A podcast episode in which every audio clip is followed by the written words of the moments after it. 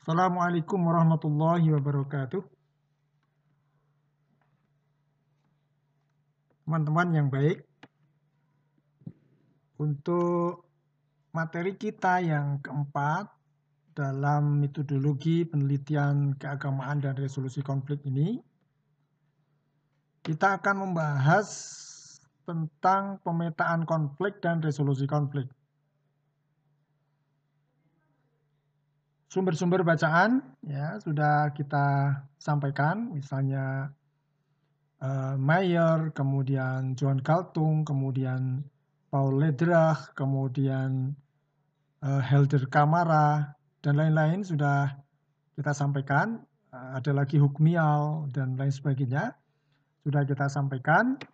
Dan teman-teman bisa melacaknya, bisa mengolahnya kembali dari sumber-sumber bacaan tersebut itu sumber-sumber bacaan uh, awal sehingga teman-teman bisa mengembangkan lagi baik dari buku itu sendiri maupun dari buku-buku yang lain ataupun jurnal-jurnal yang terbit terkait dengan mapping konflik dan resolusi konflik. Nah, pada kesempatan ini kita akan uh, mendiskusikan itu Ya, bukunya silakan disimak dan nanti kita akan eh, apa namanya banyak membicarakan tentang bagaimana konflik pemetaan dan resolusinya. Dan ini sebagai sebuah bahan kajian dan di sini kita membutuhkan metode-metode yang tepat dan kuat serta penguasaan teori mengenai konflik studies ataupun peace studies. Ya. Buku uh, handbook untuk Peace Studies dan Conflict Studies atau Conflict Resolution Studies sudah kita sampaikan dari Galtung dan kawan-kawan. Itu silakan dipelajari untuk uh, mengembangkan kajian-kajian yang akan kita diskusikan pada kali ini. Baik, kita masuk ke tiga ranah pembicaraan pada kesempatan kali ini. Yang pertama kita akan membahas tentang konflik itu sendiri. Apa itu konflik, bagaimana level konflik, Kemudian bagaimana konflik menjadi objek kajian. Karena kita fokusnya pada metode atau metodologi untuk menjelaskan konflik itu sendiri.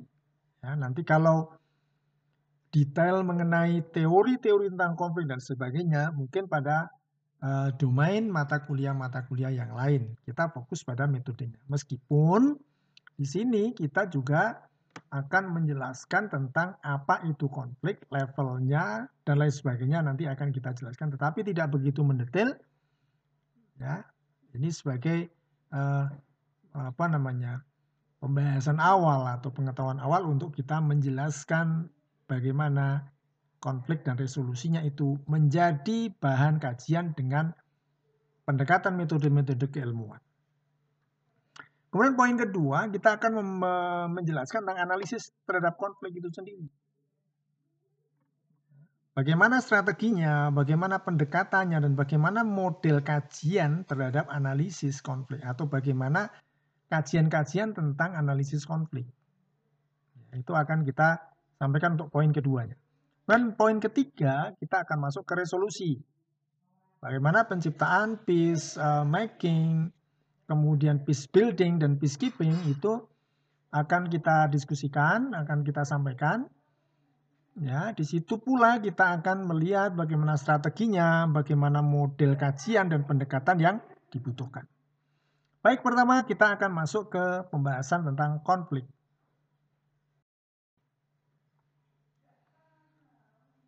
Konflik, ya, saya di sini mengutip dari Hukmial dan kemudian uh, Rams Butam dan uh, Woodhouse. Bukunya sudah kita sampaikan.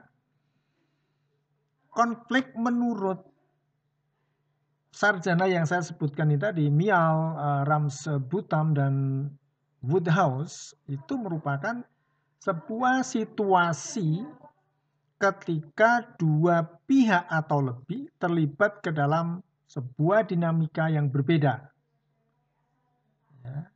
Ya yang kemudian terjadi benturan dan saling menegasikan dalam aspek yang berbeda pula. Sebuah situasi konflik itu sebuah situasi ketika di dalamnya itu ada dua pihak atau lebih yang terlibat dalam dinamika yang berbeda masing-masing pihak itu mempunyai dinamikanya sendiri-sendiri yang dinamika itu kemudian berbenturan antar satu pihak dengan pihak lain dan dampaknya di situ ada konsekuensi saling menegasikan dalam aspek yang berbeda-beda. Ya, itu konflik yang disampaikan atau yang kita rujuk dari uh, Miao, Ramsbutam, dan Woodhouse. Nah, ketika konflik kita pahami sebagai sebuah situasi yang di situ ada pihak-pihak yang punya dinamika berbeda dan saling berbenturan dan saling menegasikan, Mayer ya itu menjelaskan lebih detail bahwa situasi konflik itu berada pada wilayah yang berbeda-beda.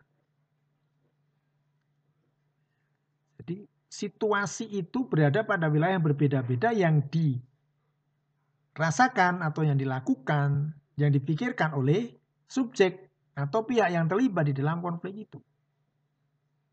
Mayer menyebutkan ada tiga levelnya. Pertama level kognisi atau level uh, perception kemudian level emosi atau level feeling, dan yang ketiga level tindakan atau level action.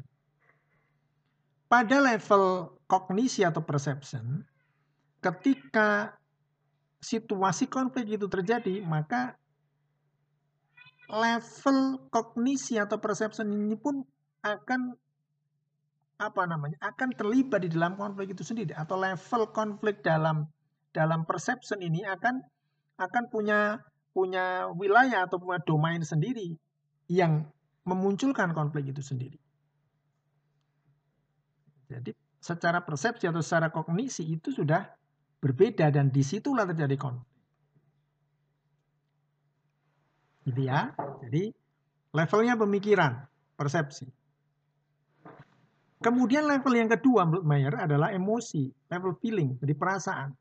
Jadi sudah ada dorongan-dorongan perasaan, motivasi, kemudian kecenderungan-kecenderungan yang psikis, gitu ya, kecenderungan-kecenderungan emosional yang juga berbenturan antara satu sama lain, kemudian terciptalah satu kondisi yang yang kita sebutkan di awal benturan ataupun saling menegasikan pada level emosi, level feeling, level perasaan level motivasi dan kecenderungan-kecenderungan psikis. Kemudian yang ketiga, level tindakan, action. Kalau level tindakan berarti kalau dalam konteks psikologi itu level yang psikomotor.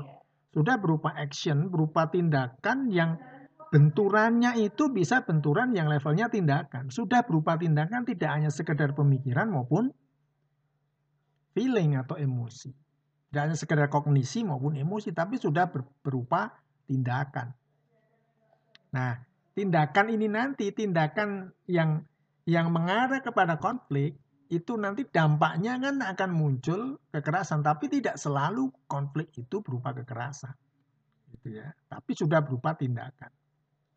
Tindakan itu bisa ucapan, tindakan itu bisa nanti ada uh, di belakang akan kita jelaskan bisa ucapan, bisa apa namanya uh, perbuatan, bisa tulisan, dan lain sebagainya.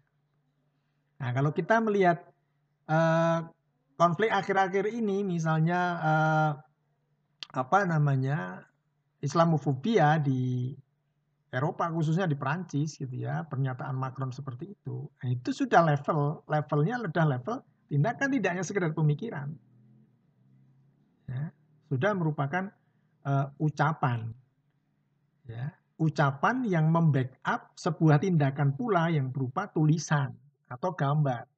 Nah, itu kalau kita memetakan seperti itu atau kita melihat level seperti itu.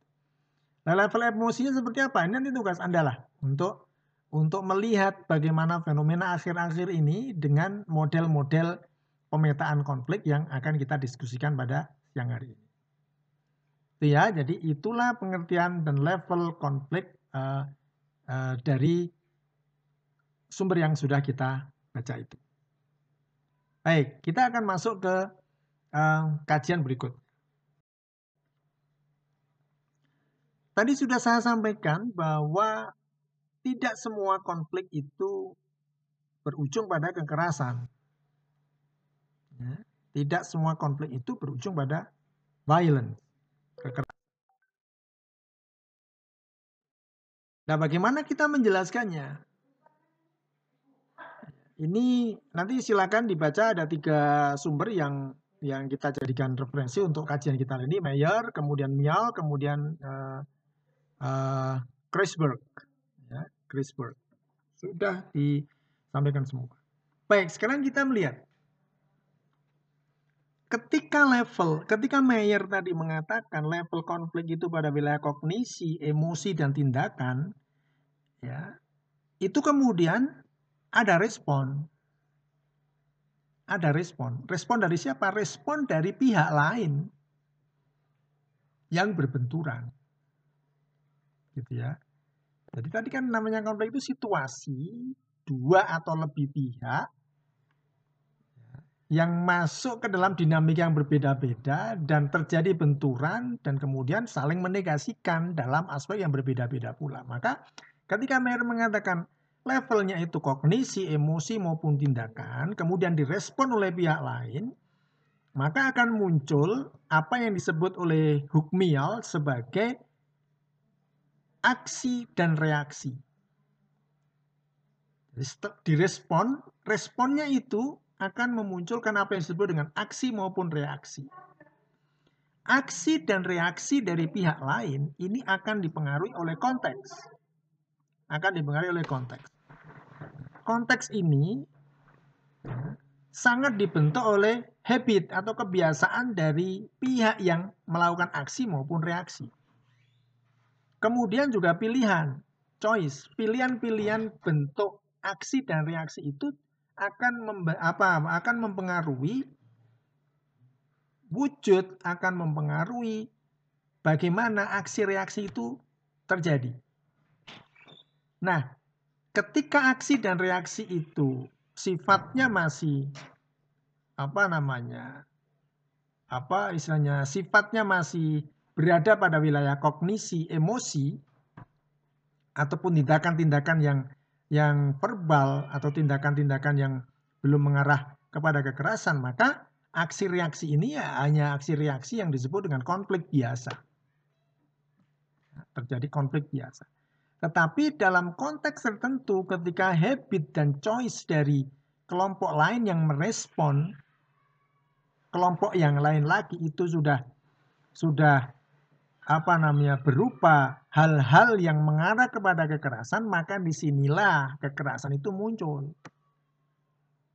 Kekerasan itu muncul maka respon itu akan menentukan respon terhadap apa namanya konflik awal tadi menurut Mayer tadi kognisi emosi dan tindakan itu kemudian direspon oleh kelompok lain nah respon inilah yang nanti akan menentukan apakah dia berupa kekerasan atau bukan tergantung pada konteks tadi. Habit kebiasaan kelompok yang merespon atau choice pilihan-pilihan untuk merespon. Kalau dalam agama Islam kan jelas kan kalau kalau ada level kognisi, emosi maupun tindakan yang berusaha berbenturan atau menegasikan kita sebagai Islam, Etiknya kan jelas ya dalam Islam. Ya. Di surah Al Ali Imran ayat 159 itu jelas. Pertama yang dimunculkan adalah rahmah. Fabima rahmati minallahi lintalahum rahmah. Kelembutan. Maka levelnya adalah level soft response. Gitu ya. Soft response. Lembut. Kemudian diikuti Pak anhum, memaafkan, ya, forgiving, meskipun ya, tidak forgetting. Forgiving itu memaafkan, meskipun tetap mengingat apa yang dilakukan. Setelah ke forgiving atau memaafkan, wastaghfir lahum. Wastaghfir lahu. Memintakan ampunan bagi orang itu. Memaafkan kemudian memintakan ampunan. Kemudian yang ketiga, wasyawirhum fil amr. Ada dialog. Ada dialog. Kemudian yang terakhir, Faidah azamta fatawakal Allah. Serahkan semuanya kalau sudah ini kepada Allah. Ini wilayah-wilayah spiritual.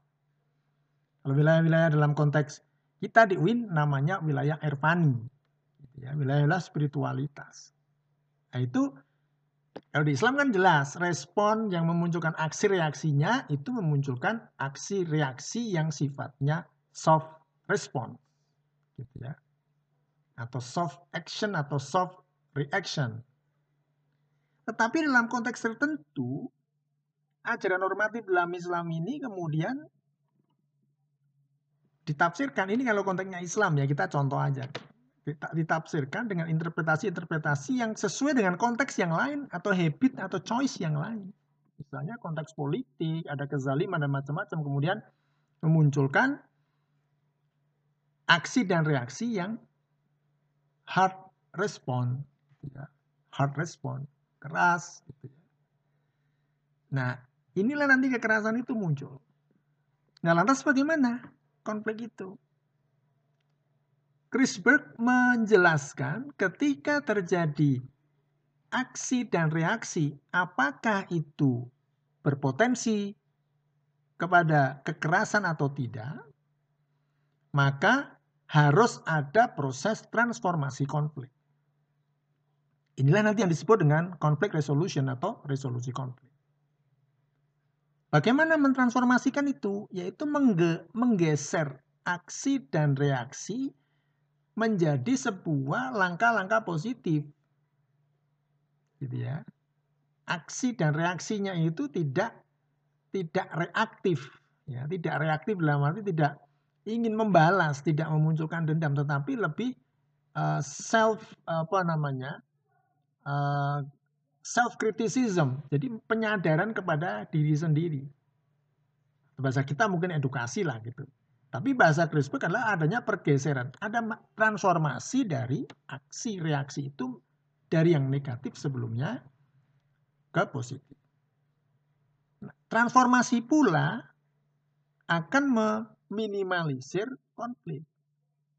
Jadi tidak ada eskalasi konflik yang besar. Inilah Crispet kemudian menggambarkan ketika ada aksi reaksi harus ada transformasi konflik. Gitu ya. Ini pemahaman kita, konflik tidak selalu memunculkan kekerasan. Tetapi kekerasan kadang-kadang muncul ya, lebih banyak dipengaruhi karena adanya konflik yang terjadi. Baik, kita lanjutkan. Sekarang bagaimana sebuah kekerasan itu muncul. Kalaupun respon itu berupa kekerasan. Tadi kan Mial mengatakan ketika ada reaksi, respon yang berupa yang memunculkan aksi dan reaksi yang dipengaruhi oleh habit dan choice dan ternyata itu choice-nya itu adalah kekerasan atau hard response, maka Helder Kamara menjelaskan atau me menguraikan lebih detail munculnya kekerasan itu sendiri. Yang dia tulis atau teorinya atau apa istilahnya gagasannya disebut dengan uh, spiral of violence. Spiral of violence, spiral kekerasan. Helder Kamara, bukunya sudah kita sampaikan, silakan dibaca lebih detail di situ. Ada lima poin yang disampaikan oleh Helder Kamara, kenapa kekerasan itu muncul. Sebab utamanya adalah adanya injustice. Tidak adanya keadilan. Bahasa kita, bahasa kita, bahasa kita sebagai muslim adalah adanya kezaliman. Kalau benturan dan saling menegasikan itu tidak mengurangi keadilan, rasa keadilan, ya, itu mungkin tidak akan terjadi kekerasan. Ya. Tapi kalau sudah masuk atau sudah menyengat rasa keadilan, maka akan tersulut pula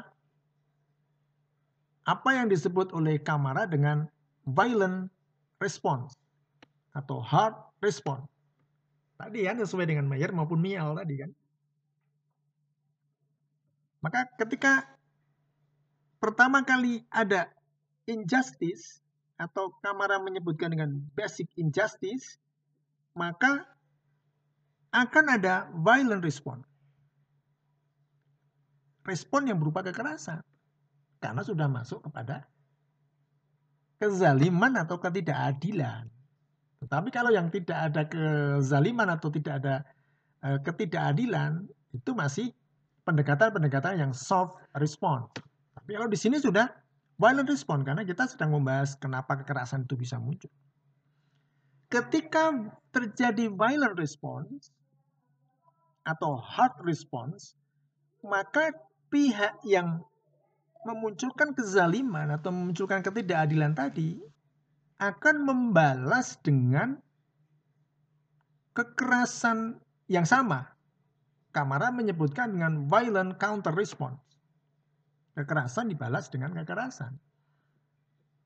Maka adanya basic injustice akan melainkan violent response, violent response akan memunculkan violent counter response.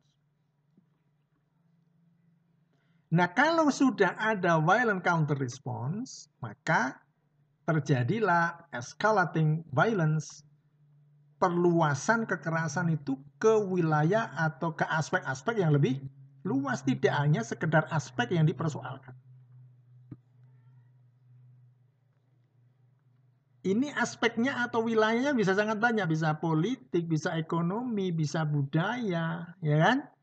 Kemudian bisa agama, bisa etnik, dan sebagainya. Tetapi di situ prinsipnya ada basic injustice.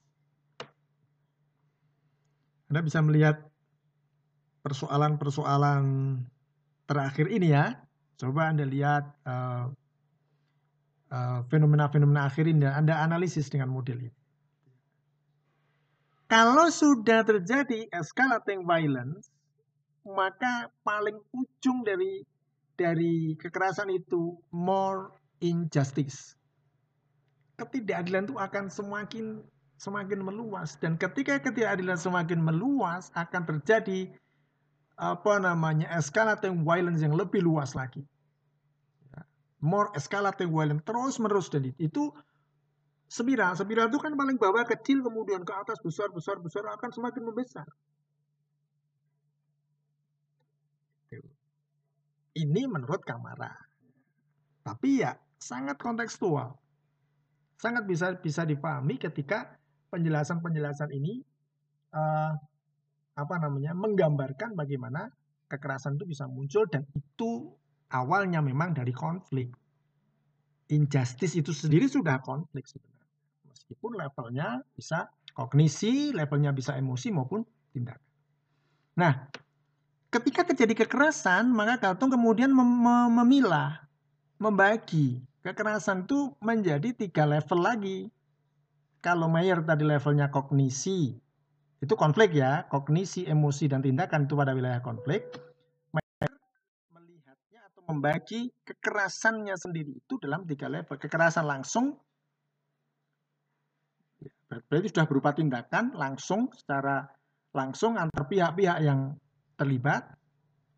Ya, yang kedua kekerasan kultural, kekerasan yang memang diciptakan ya, secara kultural ada level-level kezaliman tetapi sudah kultural ya kemudian yang ketiga kekerasan struktural kekerasan yang muncul melalui regulasi-regulasi melalui aturan-aturan yang yang apa? Akhirnya memunculkan konflik dan memunculkan kezaliman.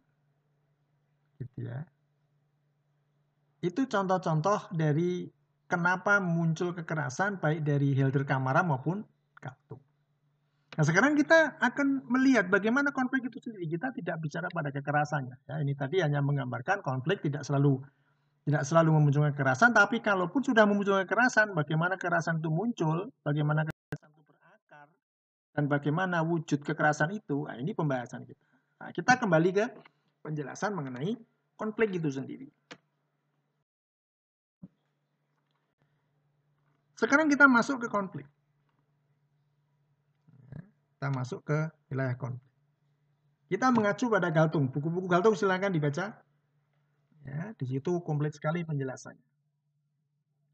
Galtung membagi konflik, memetakan konflik. Kita sudah masuk ke peta konflik ya, berarti uh, mapping of conflict. Kita sudah masuk ke situ.